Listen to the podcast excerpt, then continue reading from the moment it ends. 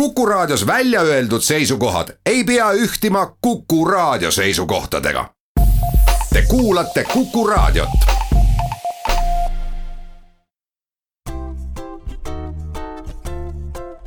patsiendiminutid, Patsiendiminutid toob teieni Eesti Patsientide Liit tere, hea Kuku kuulaja, mina olen Kadri Tammepuu ja Patsiendiminutid alustavad märtsi keskpaik on käes, aga väljas möllab äh, tavatult palju erinevaid viiruseid, erinevaid külmetushaigusi, inimesed ähm, ei saa käia, külastada haiglates oma lähedasi, ka hooldekodudes palutakse vaid tervetel inimestel kohale tulla.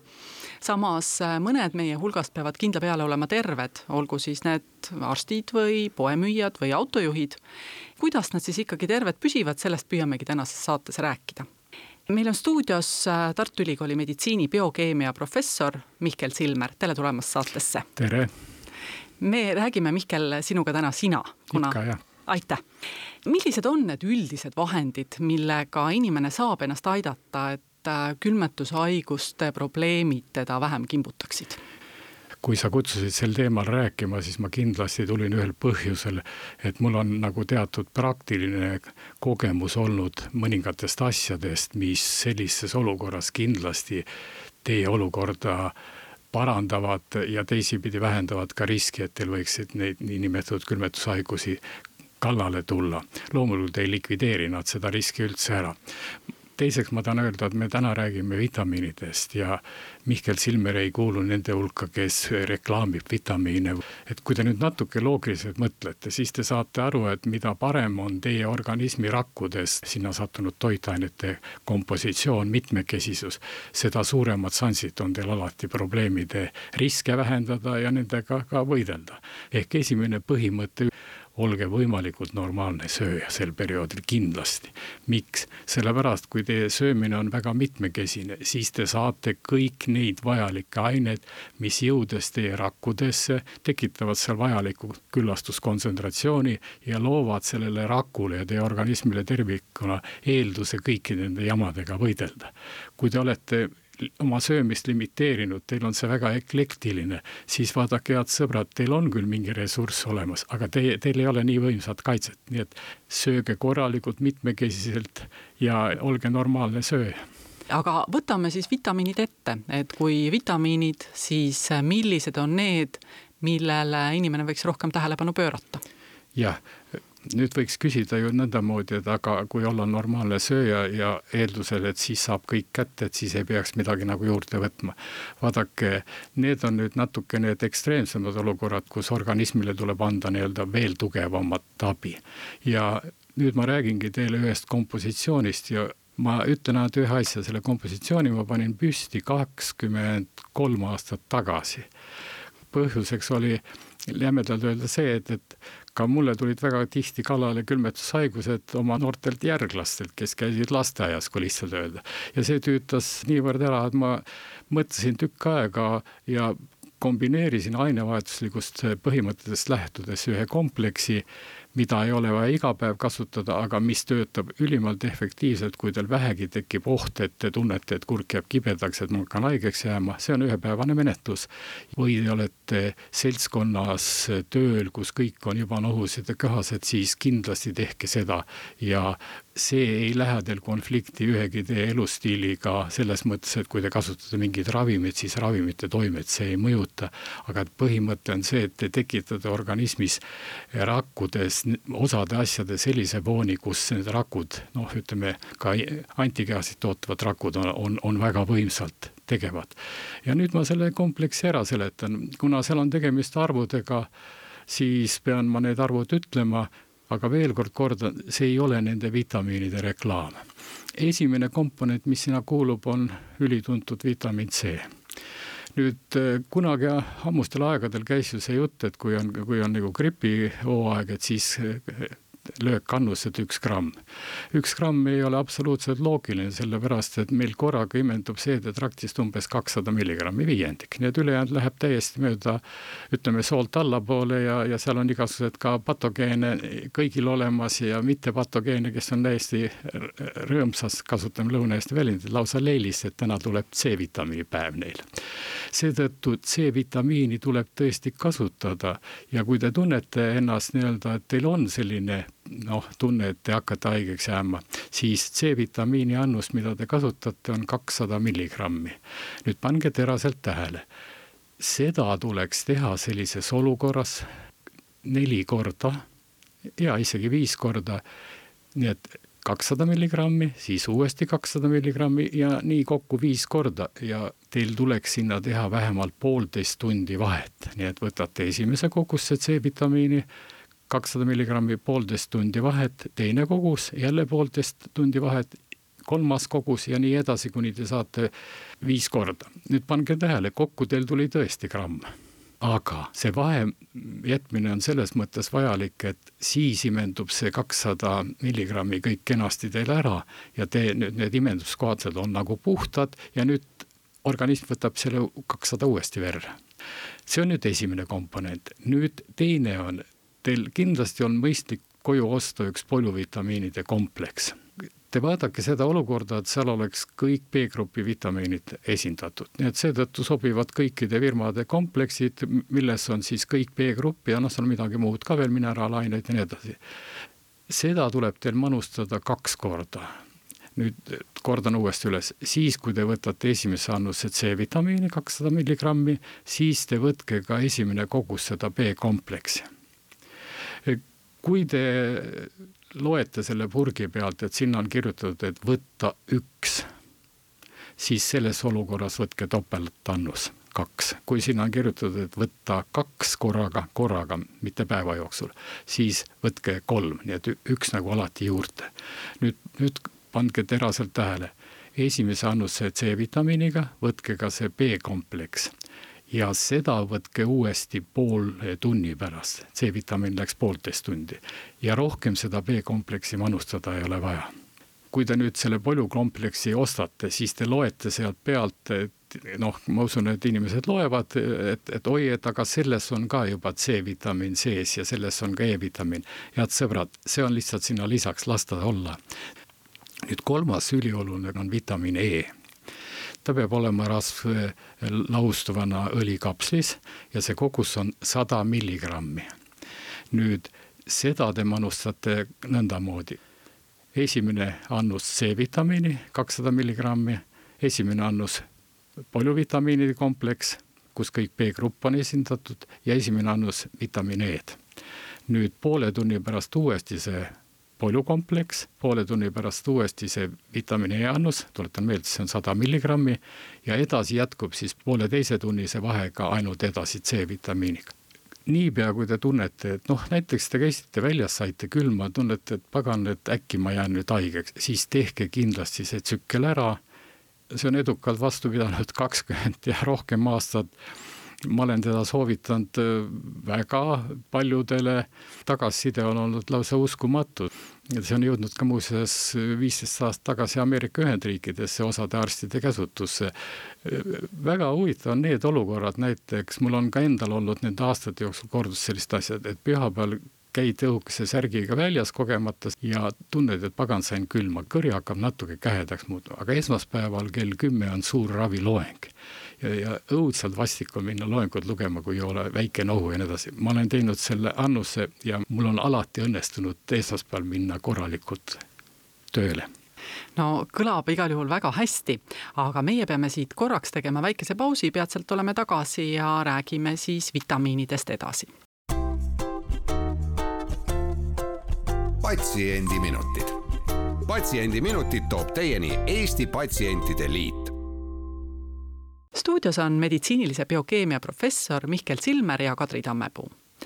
me räägime täna vitamiinidest ja kuidas neid võtta siis, kui tundub, et äh, külmetus, haiguse erinevad sümptomid, olgu siis köha või nohu, hakkavad kuidagimoodi ligi hiilima juttu tuli erilisest vahendist, mis on professorit juba üle kahekümne aasta aidanud me rääkisime sellest, kuidas seda vahendit võtta ja, ja seal oli siis üks komponent oli C-vitamiin, mida tuli võtta iga pooleteist tunni tagant ja viis korda.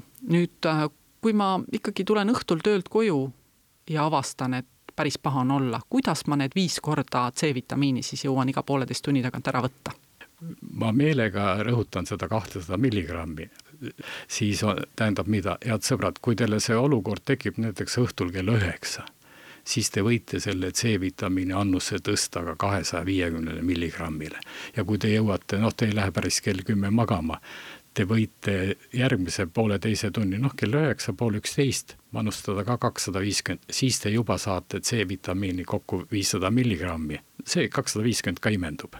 ja teil, teil on praktiliselt asi ära lahendatud, sest kõige tugevam tegija selles komplektis on tegelikult, mitte et teised oleks nõrgad, on tegelikult eh, sada milligrammi E-vitamiini.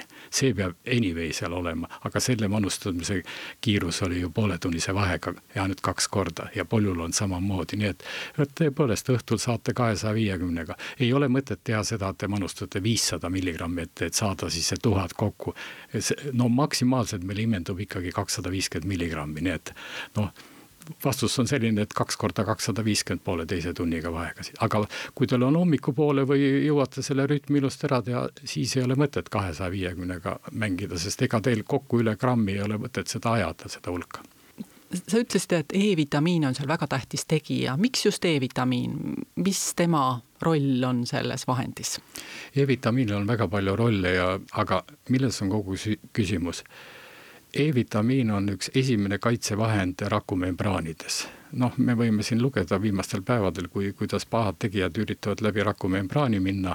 E-vitamiin on üks tugevamad kaitsjad, et hoida seda olukorda võimalikult kontrolli all. nüüd, kui E-vitamiin midagi kasulikku seal membraanis teeb, siis ta muutub üheks selliseks vormiks, kus ta meil ei ole kahjulik, aga ta meil hästi töötada ei saa. ja ta regenereeritakse, noh, kasutame lihtsat sõna, viiakse algvormi tagasi e, C-vitamiini abiga. ainevahetuse professorina on mul kõik detailid läbi mõeldud ja ma ei räägi ühestki vahendist või kompleksist niimoodi, et, et oi, ma usun, et nii võiks töötada, see töötab, head sõbrad.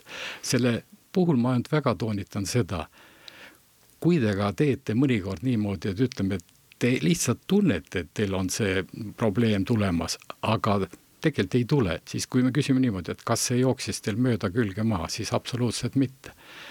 kõige parem on nii, et, et teil on need purgikesed tööl ja kodus olemas. tulete hommikul tööle, selgub, et kolm kolleegi õudselt köhib, siis tehke kohe, alustage tööl sellega, mitte ärge oodake, et te lähete koju. nii et siin on nagu see põhimõte, võimalikult kiiresti alustada siis, kui te vähegi mõtlete et, et võiks seda teha, et äkki on probleem. nüüd edasi, seda ei ole vaja iga päev teha. kui te, kui keegi küsib niimoodi, aga kui ma teen seda näiteks nädalas kolm korda, vaadake, ta teile midagi paha ei tee, aga seda ei ole vajadust, teil ei ole vaja piitsustada oma kaitsesüsteeme kogu aeg üles. Teil on vaja piitsustada selles olukorras, kus te tunnete, et ai, abi oleks vaja kui veel B-vitamiini kohta lõpetuseks küsida, siis äh, sa ütlesid, et äh, peab olema kindlasti B-kompleks, et mida selle B-vitamiinide kompleksi all äh, tuleks teada? ma kordan juba eespoolsed öeldud natuke veel üle. kui te apteegist lähete ostma sellist kompleksi, kus on kõik esindatud, siis apteekrite käest küsige alati, kui te seda ostate, et palun andke mulle see, kus on kõik B-grupi esindajad olemas, nii et väga lihtne sõnum. kõik B1, B2 ja nii edasi, nii edasi, kõik B-grupi esindajad olemas.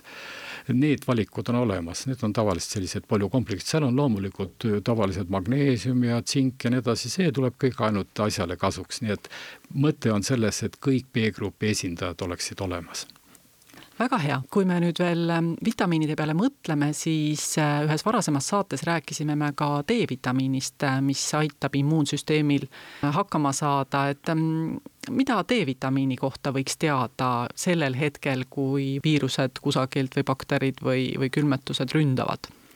Jah, see on väga hea, sest mõnes mõttes on ka kordamine tarkuse ema, eks ole, ma ei tea, kes siis tarkuse isa on, aga las ta olla. vaat eelmine kord või mõni aeg tagasi rääkisime vitamiin D-st ja, ja seetõttu ma tuletan ainult meelde, et, et mõistlik on see manustamise variant, kus te manustate kaks tuhat ühikut, siis te garanteerite selle, et teil kindlasti jõuab ta sellise normi väga korralikusse piiresse. nüüd sinu küsimus täna oli, oli väga hea, sellepärast et noh, kõige huvitavam on see, et kõigepealt räägib Kuku raadio ja siis umbes kuu aega hiljem ilmub Euroopa juhtivas Clinical Nutritionis, European Journal Clinical Nutrition võimas revüü D-vitamiinist, kus räägitakse põhimõtteliselt sedasama, mida me sinuga Kuku raadios rääkisime. aga seal on väga ilusti öeldud, mida ma olen kogu aeg ise aktsepteerinud ja tore oli lugeda, et, et revüüs on kõik ilusti kokku võetud. no need on need revüüd, kus võetakse sõltumatut info kõik kokku, keegi ei kirjuta seda promo pärast, nii edasi.